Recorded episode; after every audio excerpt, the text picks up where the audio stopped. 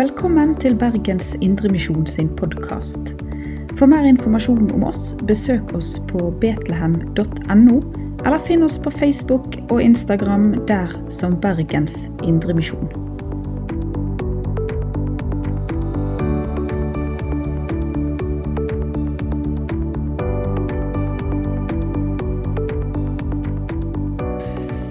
Jeg skal eh, ta dere med inn i en på en måte en ny venn som jeg har fått i koronatida.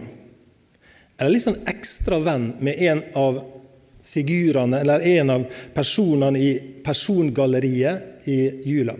Og det er rett og slett Josef.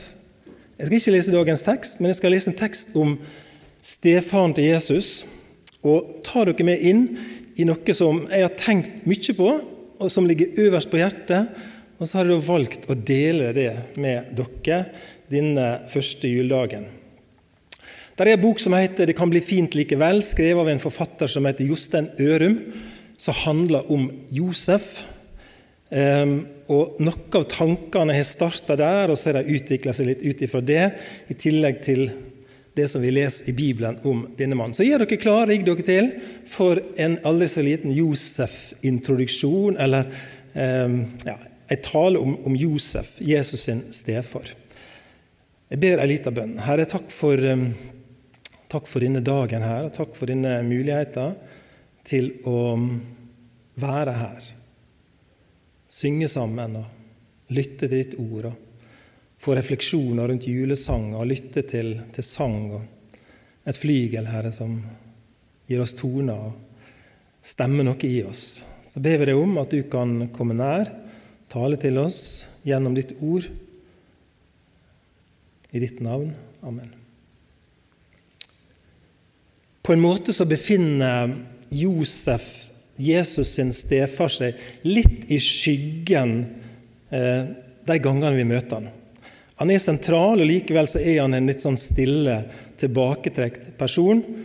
Eh, jeg skal lese en tekst fra Matteus 1, fra vers 18 til 25, og så skal vi ta utgangspunktet der, og så skal vi vandre litt videre. Matteus 1. Eh, da Jesus ble født, gikk det såleis til. Mor hans, Maria, var lova bort til Josef, men før de kom sammen, viste det seg at hun var med barn ved Den hellige ande. Josef, mannen hennes, var en rettvis mann og ville ikke føre skam over henne. Han satte seg føre å skille seg fra henne i det stille. Da han hadde tenkt ut dette, synte en engel fra Herren seg foran i en drøm og sa:" Josef, Davids sønn, vær ikke redd og ta Maria hjem til deg som kona di. For barnet som er avla i henne, er av Den hellige ande.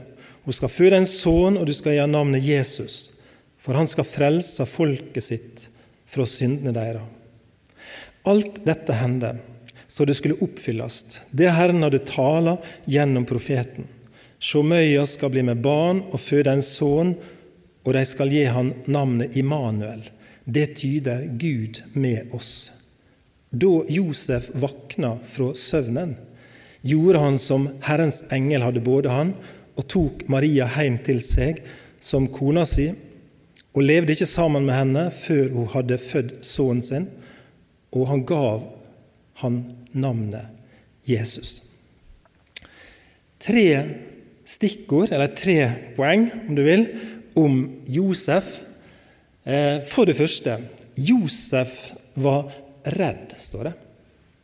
Josef var redd. Vær ikke redd å ta Maria hjem til deg som kona di. Vi vet ikke hvor lenge det går mellom disse tankene som han går og tenker, da, og denne drømmen. Og det, det, kan vi bare tippe oss til. Men vi kan tippe oss til at det er i alle fall litt tid imellom at han går og tenker og klekker ut hvordan han skal forholde seg til denne nye situasjonen. Hvordan skal det gå, alt sammen? Jeg tror det hviler tungt over Josef. Og Kanskje vi kunne ha spurt ham hva tenker du på? Hva er det du går og tenker på? Eh, midt i alt så var han kanskje litt redd. Det står han var en rettvis mann.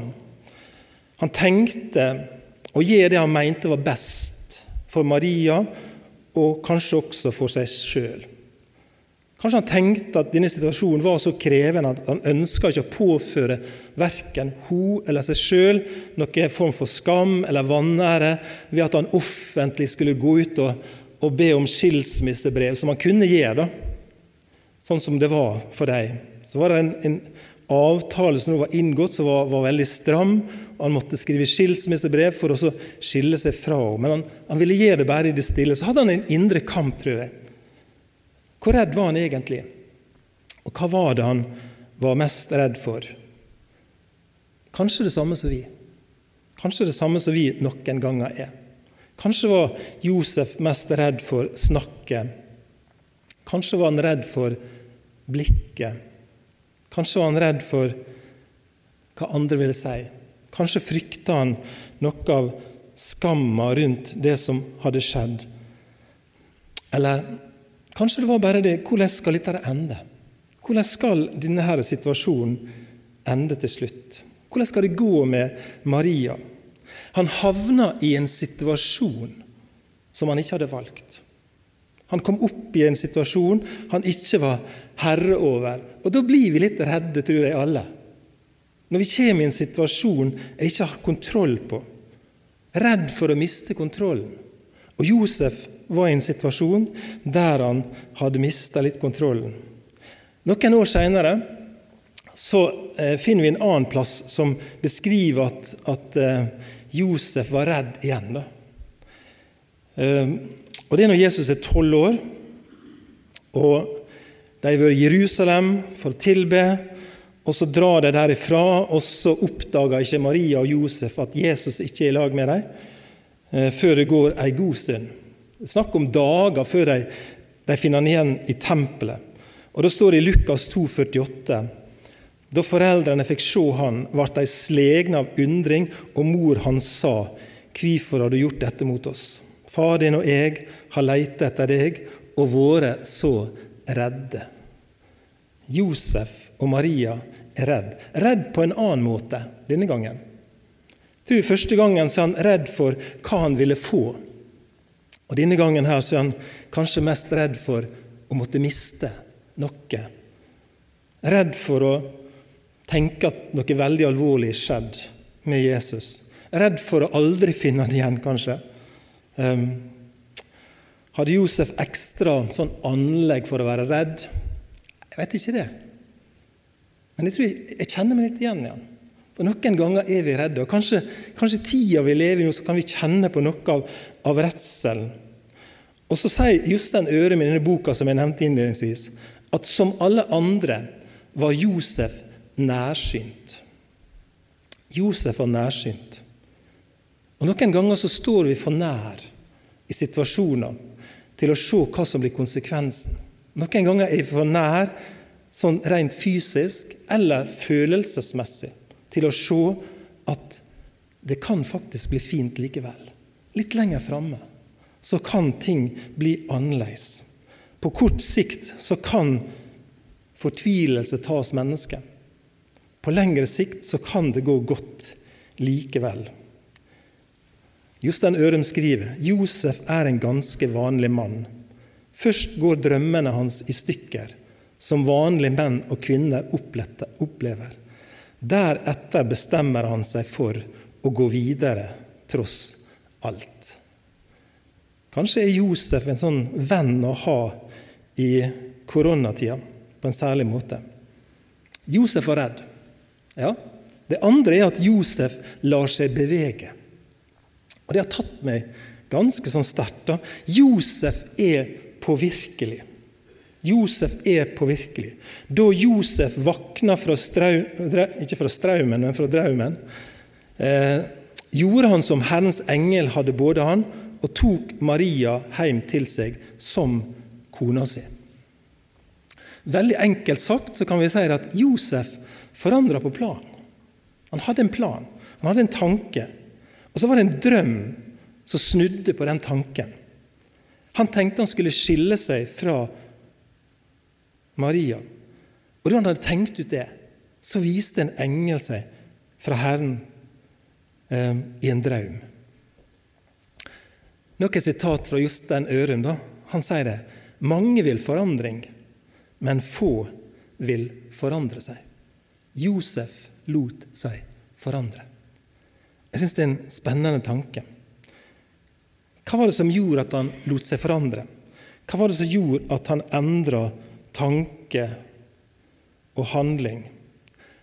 Ja, han hadde et øre. Han hadde et øre som var vendt mot himmelen. Og det er en fin tanke. Hva er det som skal endre våre liv? Hva er det som skal la oss bevege? Hva er det som må til? Jo, som Josef, ha et øre som er vendt mot himmelen. Vendt imot Guds stemme. Vent imot Guds ords eh, stemme.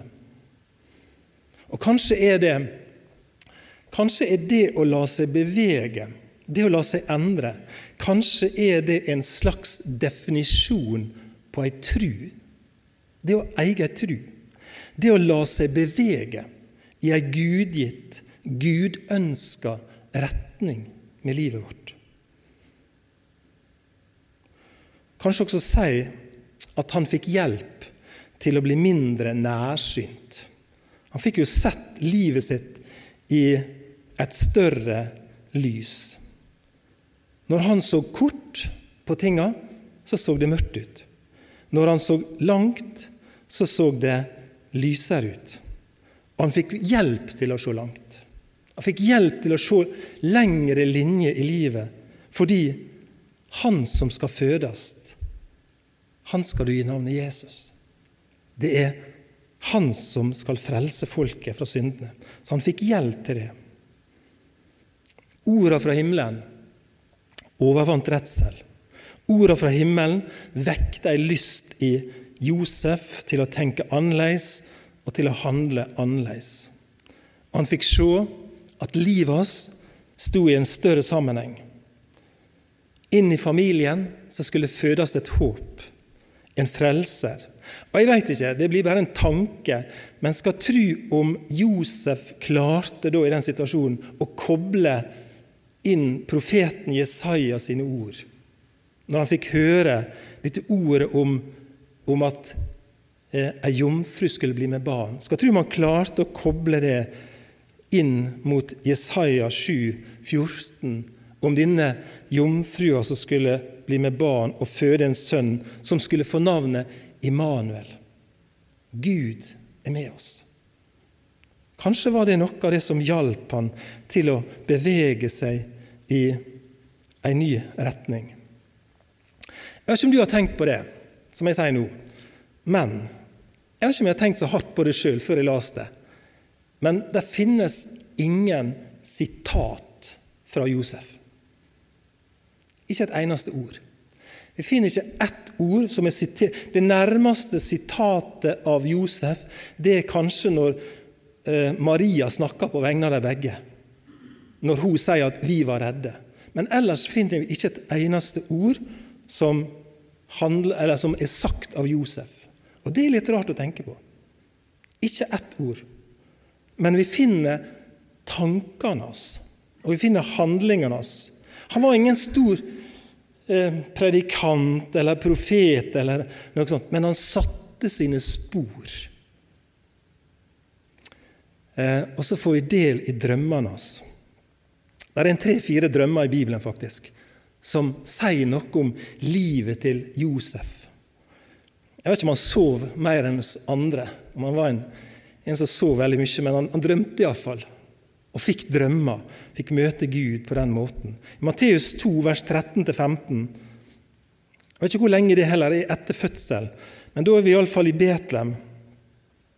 Eh, og det står der etter at eh, Josef og Maria har fått besøk av vismennene, så står det sånn i kapittel 2, 13-15, Matteusevangeliet. Da de var fane, altså de er da vismennene, synte Herrens engel seg for Josef i en traum og sa:" Stå opp, ta barnet og mora med deg og røm til Egypt, og bli der til jeg sier ifra. For Herodes kommer til å leite etter barnet og vil drepe det. Og så står det han sto opp, tok barnet og mora og drog til Egypt samme natta. Josef lar seg bevege. Josef lar seg bevege. Her er en annen type redsel, kanskje. Og redsel er jo en bra ting. Redsel det får oss til å reagere og handle. Redsel får oss til å komme ut av situasjoner, og nå reagerer han veldig kjapt. Igjen så møter vi da en mann da, som har vendt øret mot himmelen. Og han responderer.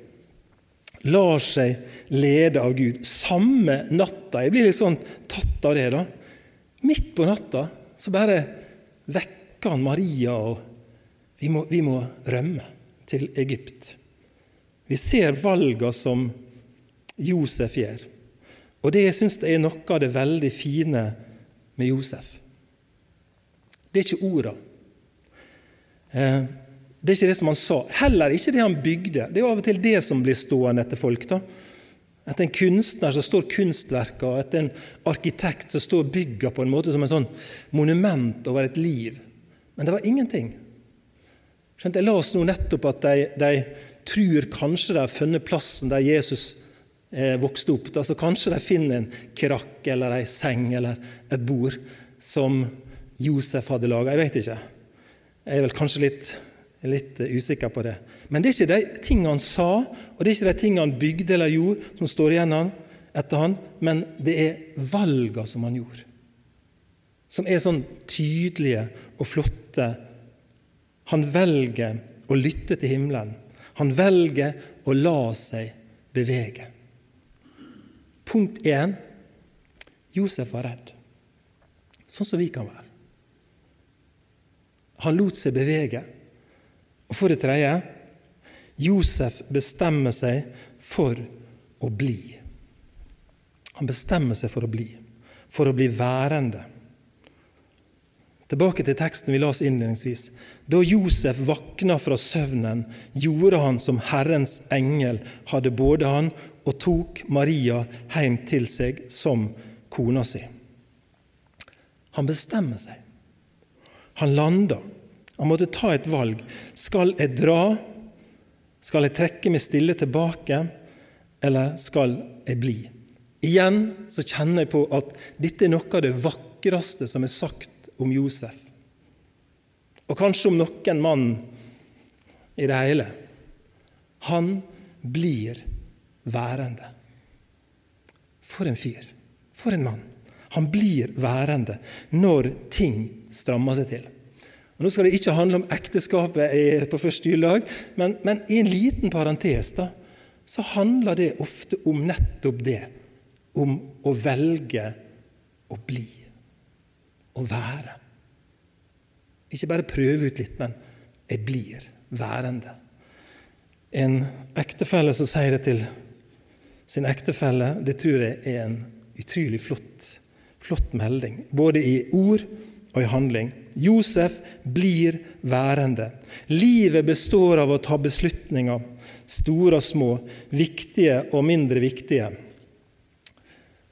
Paul Otto Brunstad skrev en bok som heter 'Beslutningsvegring'. Som handler om det å vegre seg mot å lande. Eh, og Ungdommer de, de unngår av og til valg og Det ser vi på skolen vår, og vi ser ellers, at de har flere valgmuligheter. Og så venter de det lengste med å bekrefte valget sitt, da, i påvente av kanskje et bedre tilbud. Et annet tilbud. Eh, han skriver den boka om et ord, eller tre ord som ligner på hverandre, som er engelske, og som handler om det å, å bestemme seg. Der han bruker ordet 'homicide', det er det engelske ordet for at eh, noen tar livet av en annen. Og 'suicide' det er jo det engelske ordet for den som avslutter sitt eget liv. Og ordet 'decide', som betyr å bestemme seg, å lande. Og Disse tre ordene de ligner på hverandre, de har noe felles. Det handler om å avslutte noe. Det handler om å bestemme seg. Det handler om å lukke alle andre dører, og så velger jeg den døra der, og så tenker jeg de dørene der de er ikke åpne. Det å utsette valg, det skader ofte en sjøl og andre, og det setter andre sitt liv i ytterste konsekvens på spill. Skape usikkerhet. Josef, hva gjør han? Han decider. Han bestemmer seg. Og så lukker han alle andre dører. Han bestemmer seg for å bli. Og Hvis vi kan leke litt med tanken, så tenker jeg at han avslutter tanken om at han kanskje hadde satsa på feil dame. Det var en tanke som kunne ha slått han. Kanskje skulle jeg satsa på Elisabeth, dattera til synagogeforstanderen. Eller kanskje var det Ester med det vakre håret, eller orakel med de vennlige øynene jeg skulle ha satsa på i stedet for Maria. Han avslutta tanken. Han decider. Han bestemmer seg. Eh, han flykter ikke, han trekker seg ikke tilbake, men han blir værende. Han overvinner redselen ved å bestemme seg for å høre på en annen stemme enn sin egen. Eh, han bestemmer seg for å ta Maria til seg og bli værende. Så filosoferer litt han, eh, han Jostein Ørum da, litt rundt drømmer og knuste drømmer, slik alle kan oppleve det. Og Så skriver han noe som jeg syns er utrolig vakkert skrevet. Så sier han sånn hva drømmer enn er laget av, kan de i alle fall knuse. Og hvor går man med drømmer som er knust? Josef tilbyr et svar. Man går ikke, man blir. Man går ikke, man blir. Josef velger å bli. Jeg syns det er så fint sagt. For jeg tror vi kan gjenkjenne oss sjøl i dette her. Noen ganger knuser drømmene, hva de enn er laga av. Hvor skal jeg gå da? Det er da Josef gir et svar, ifølge denne forfatteren. Man blir og man bygger dem opp igjen så godt man kan. Det blir annerledes, men det kan bli overraskende fint likevel. Det lærer Josef å snakke om. Så er det en som heter Thomas Judin, som har skrevet en bok som heter 'Den som finner sin plass, tar ingen annens'. Og Han sier det, at av og til kan den modigste reisen være å ikke reise i det hele tatt. Det å våge å se utfordringen i å bli værende og la det nære og kjære endre og utvikle seg, og ikke minst våge å se potensialet i de menneskene man har rundt seg sier Thomas Sjødin. Så skal dere få en veldig oppbyggelig tanke. Bokstavelig talt en veldig oppbyggelig tanke, fordi det handler om en snekker. Og Snekkeren heter Josef, og en snekker han driver vanligvis med å bygge opp. og Derfor blir dette en, en såkalt oppbyggelig tanke. Han starta et oppbyggingsprosjekt på restene av det som på en måte raste sammen. Og møysommelig så bygger han det opp igjen. En venn i Josef, det er egentlig tema. En å lære noe av. En å kanskje gå sammen med i koronatida. Vi har alle en livsoppgave, vi har alle en livssituasjon som kanskje ble litt annerledes. Kanskje kjenner vi alle på det. Noe av livet som ble knust noe av livet som raste sammen. Kanskje hele koronasituasjonen er sånn for oss. I møte med livet, i møte med en kollega sitt liv, i møte med en slektning sitt liv. Noe knuses. Hvor går man? Josef peker ut en vei. Er du redd for noe akkurat nå? Lar du deg bevege, endre, med et øye vendt mot himmelen? Er du i en situasjon der du skal velge å bli og stå i det? Hva kan vi lære av Josef? Det er det jeg har drevet og tenkt litt på i dag, i lag med dere. Det er menneskelig å være redd dere. Det er klokt å ha et øre vendt mot himmelen. Det er ydmykhet å la seg bevege i en ny retning og jeg tror det er karakter i det å bli værende og stå i det. Skal dere få noen små tanker til slutt som jeg syns er veldig fine også. Jeg syns mange av disse tankene er fine. Nikker, nå nikker Vigleik. Da er ikke man enig, men ok. Har du begynt å skrive dikt, Vigleik? Nei? Ikke ennå? Men, men hør nå, da. Jeg syns det er noe veldig, veldig fint i tanken om at Jesus, som da er stesønn til Josef, han minner oss om faren. Han ligner litt på Josef. Jesus ligner på Josef fordi Jesus var også redd. Og En gang var han så redd at han skalv i sin redsel over det som skulle møte ham. På samme måte som faren så kunne han se noe lenger framme, men han var likevel redd. Jesus hadde et øre som var vendt mot himmelen. Han gjorde det Gud sa. Han gjorde det far sa. Han kalte det faktisk for at det var hans mat å gjøre Guds vilje. Jesus lot seg bevege i en retning, mot et mål, med et blikk festa på Jerusalem og et kors. Og til slutt ble han stående i det. Han sto i det.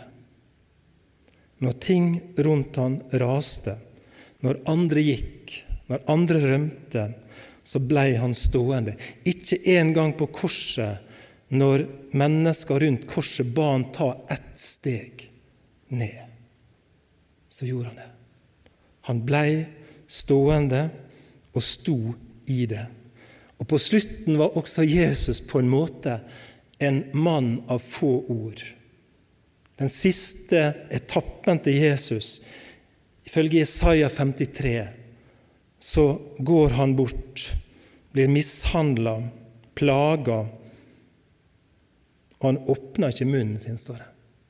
Lik et lam som de fører til slakting. Og gjennom sin død og gjennom sin oppstandelse så ble det oppfylt de orda som Josef hørte så tydelig i en drøm, og kanskje var det det som lå der og dreiv han hele veien.